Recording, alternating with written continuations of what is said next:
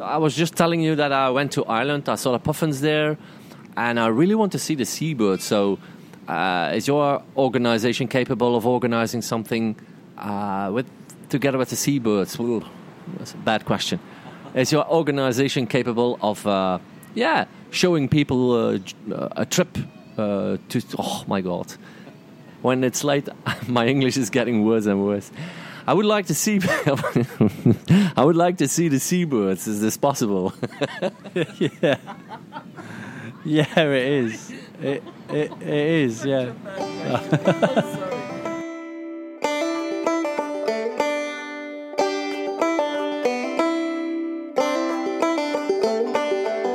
Welcome everybody to my birding podcast, Tweet Tweet, and this time my guest is Jason Moss.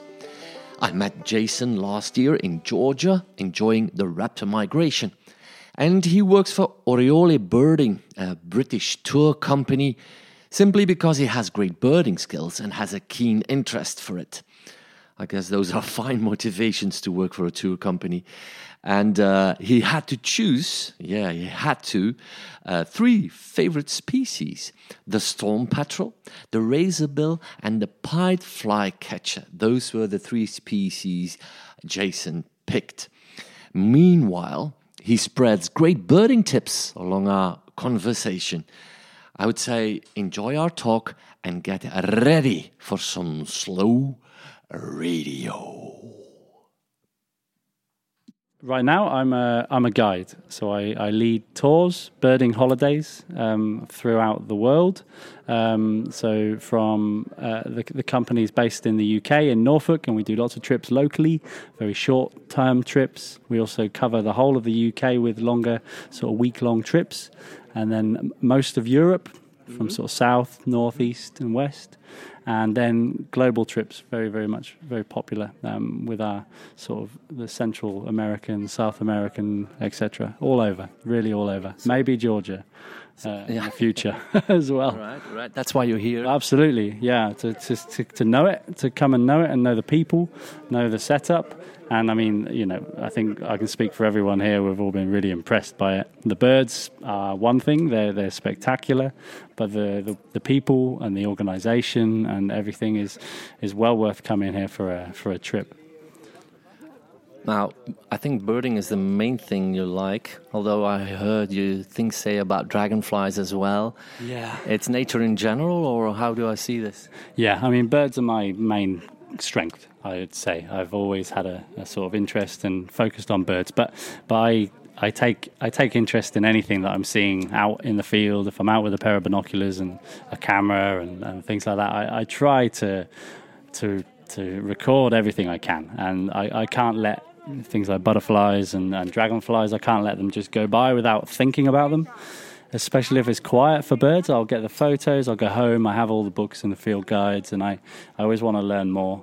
Um, and yeah, it's uh, it all comes as part of being being outside. Really, um, yeah, all this life is just something to learn about and, and get to know, and yeah, that's. I've, I've, I've had the time not just to observe the birds, but of course to observe you as a birder, you know. Yeah. And uh, I, I, already told uh, Roger that he's a Zen-like type.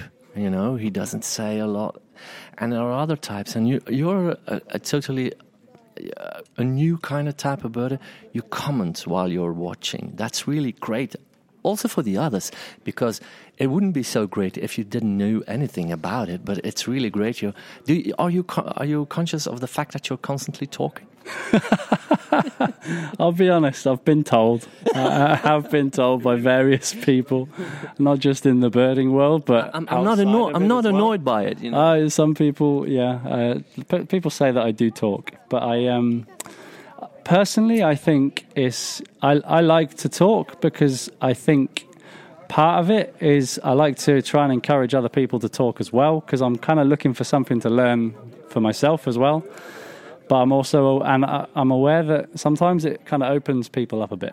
I think some people can be a bit uh, nervous to say what they're thinking worried about not knowing stuff and not knowing what something is. And I just think there's no need for that. You don't need to be nervous about these things. You don't want me to shout all the time, and every time I, I say something, it would be wrong. And I noticed that, uh, for instance, yesterday I said something, and nobody, nobody turned to look at. Well, yeah, he doesn't. he doesn't know anything. So leave him be, please.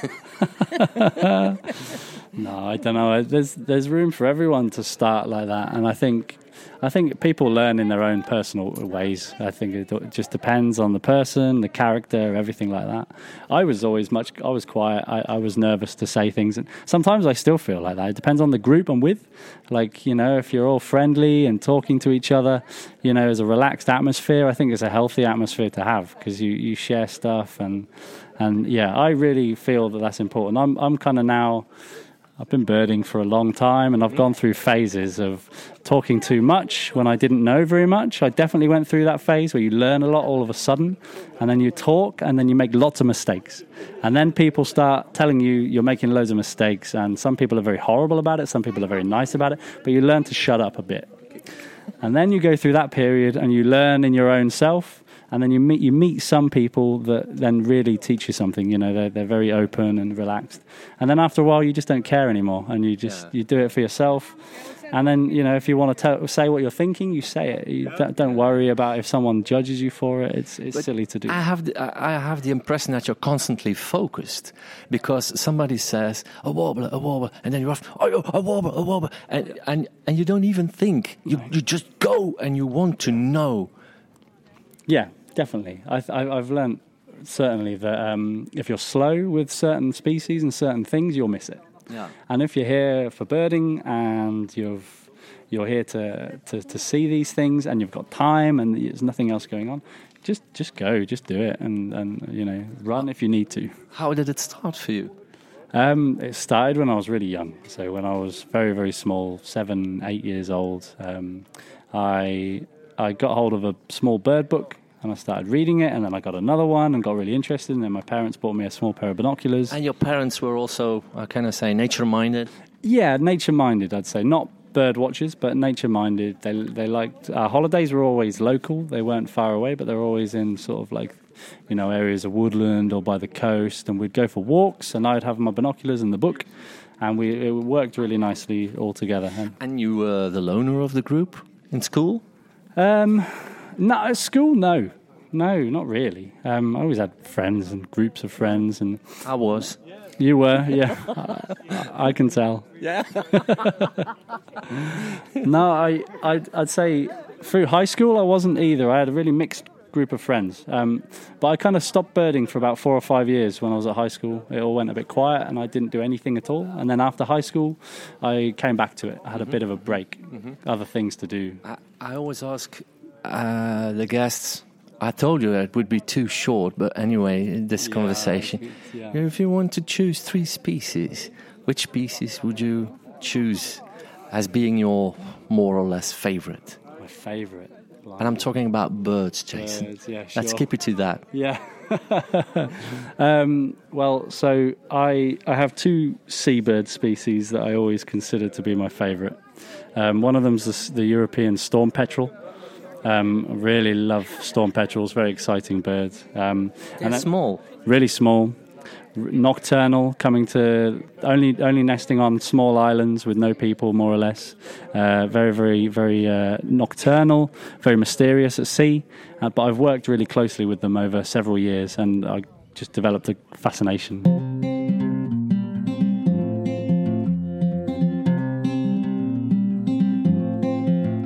As you can hear, Jason definitely has got something to tell, isn't it? And I had to interrupt this interview because we were leaving the hills of the counting stations where they monitored the raptors, and we took up our talk again during the last evening of our stay. You hear folk music and wild Morris dancing in the background as the Georgian people wanted to give us a last night to remember. And once the music faded away, the only thing you'll hear is the sound of Batumi Beach. And you said you knew something unique about the petrel. I don't know. You, you, you studied yeah.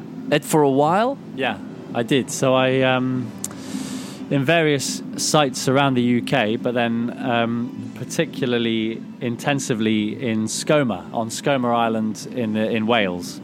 It's a small island off the coast of Pembrokeshire, uh, quite remote, and it's a place where storm petrels live. So they, they live on remote islands uh, where they're safe from predators. And I was in my my then job, I was employed to monitor the storm petrels um, that were nesting in the different colonies around the island that we knew of, and that involved um, basically catching them at night. So I would go at night and I'd set a net across the colony and catch birds, and I was catching birds um, and putting rings on their legs to, to identify them. And I was catching birds that had been ringed many years before, that had been sort of, you know, breeding in this colony over those years. So super interesting to do that work. Um, and then I was also responsible for getting a full estimate of the whole island's population of storm petrels, which at that time wasn't really known. We didn't know how many there were. There were colonies that we didn't know where they were and things. So I had to find them all. Um, and that was that involved a really interesting method because um, they're a nocturnal seabird. They nest in cavities in the rock, so you can't see them, um, and they're they're just very very elusive. And the only way you can find them in these cavities in the rock is to play a sound of their own call into the cavity. And if there's a bird in there, they'll respond to it, and you can hear them singing in the in the in the burrow and you you never see them. You just you just hear the sound, and they have an absolutely beautiful song. And um, they yeah, that was my whole summer was spent just listening into cavities and listening to this tiny little bird singing back to me. And I we did lots of sort of gathered the data and worked with the universities to get a good estimate of the population and and produced an estimate for that. I'm very pleased about uh, the story you just told because sometimes I have the impression that you're just somebody who only identifies birds and, and yeah, then you're happy. But there's also a story behind the bird, and I really like that more than just identification. Yeah, no, I, I agree. And I think sometimes when you're on a trip where there's lots of people and there's lots of birds, you only have so much time for each individual bird. But if, if you get the opportunity to spend time with one species, it's super valuable. It's, These petrels are not, they're not big, aren't they?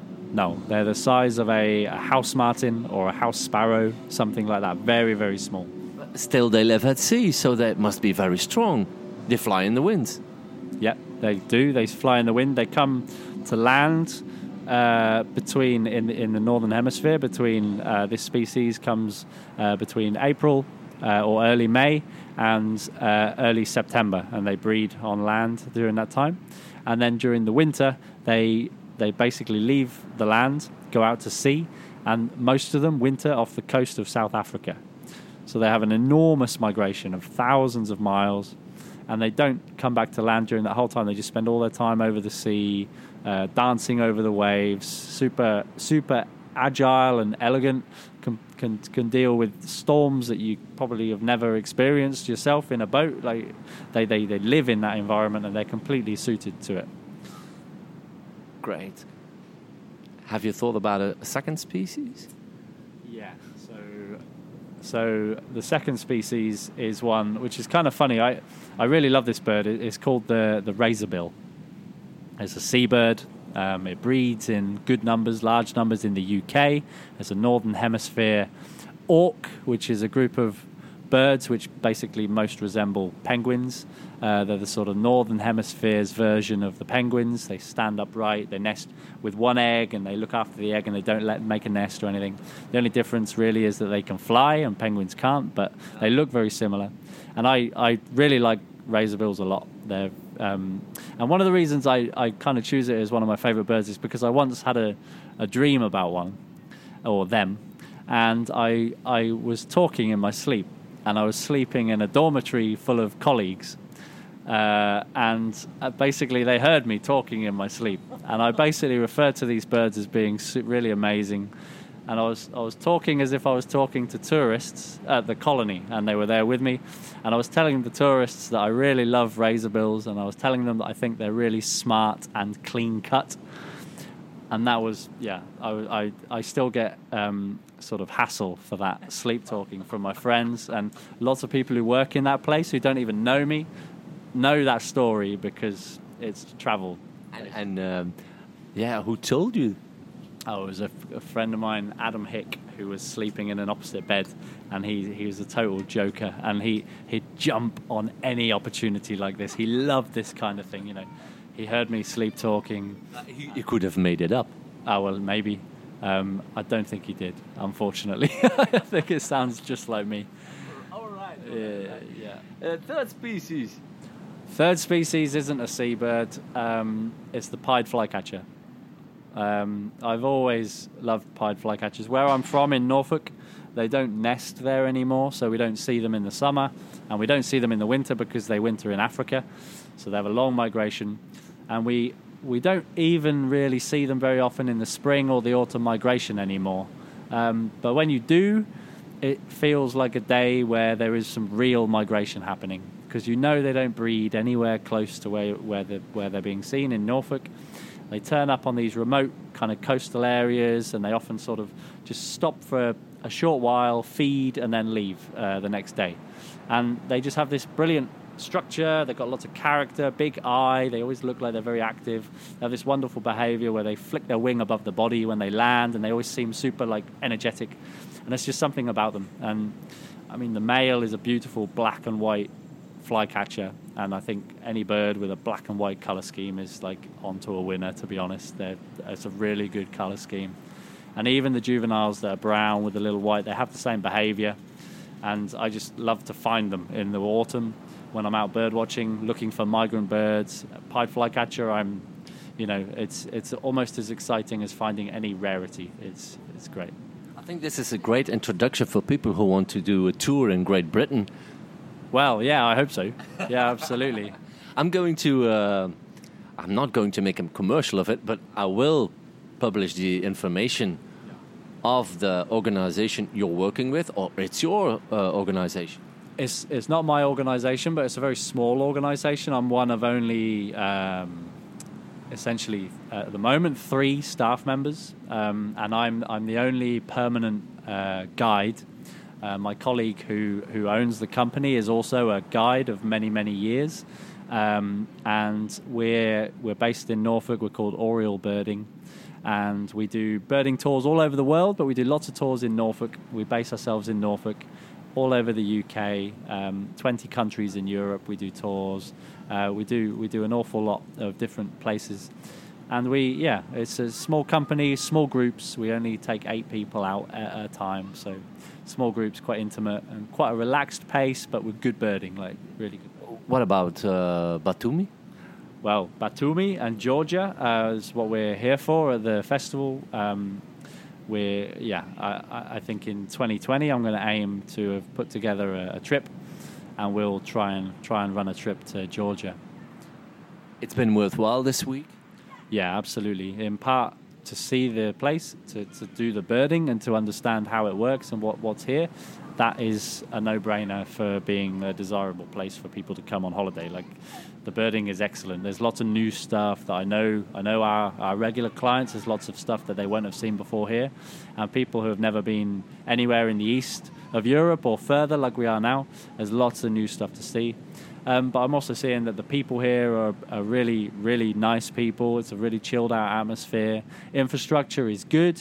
The guest houses, which are slightly more basic, have a very nice sort of feel about them, and, and the people are very nice and yeah, I think it's it's it's going to be a fine destination for the future. I was just telling you that I went to Ireland. I saw the puffins there, and I really want to see the seabirds. So, uh, is your organization capable of organizing something uh, with together with the seabirds? Well, that's a bad question. Is your organization capable of, uh, yeah, showing people uh, a trip uh, to? Oh my God! when it's late, my English is getting worse and worse. I would like to see. I would like to see the seabirds. Is this possible? yeah, yeah, it is. It it, it is. Yeah. I'm sorry, you understand. I understand the question. Yeah. No, we. Yeah. I mean, in the UK, there uh, we're famous for seabird colonies. We, we have a really complicated coastline and lots of islands, and we have a lot of seabirds. And some of them are really accessible. The, the islands that they breed on. There's some that are atta- actually that are not islands. So in Yorkshire, there's a site that's run by the RSPB called Bempton Cliffs, and that's a mainland colony of seabirds, and it's spectacular and it's super easy. You drive there, you park up, you walk out to the cliffs, you look down, and there are gannets everywhere, just everywhere. And there's puffins, there's guillemots, razorbills, kittiwakes everywhere. Forty thousand pairs of kittiwakes, and it's just like a white mass of birds in flight. But then a boat trip, I would recommend an island. Go to an island to see seabirds, and I would recommend the Farne Islands in Northumberland, which is run by the National Trust and they have boat trips running all through the summer between uh, early May through to the end of July. There's the, the seabirds are there. There's breeding terns, and it's just an experience. Like David Attenborough um, compared that experience on the Farne Islands in the summer to the, the Galapagos. It's an equivalent experience. It really is amazing.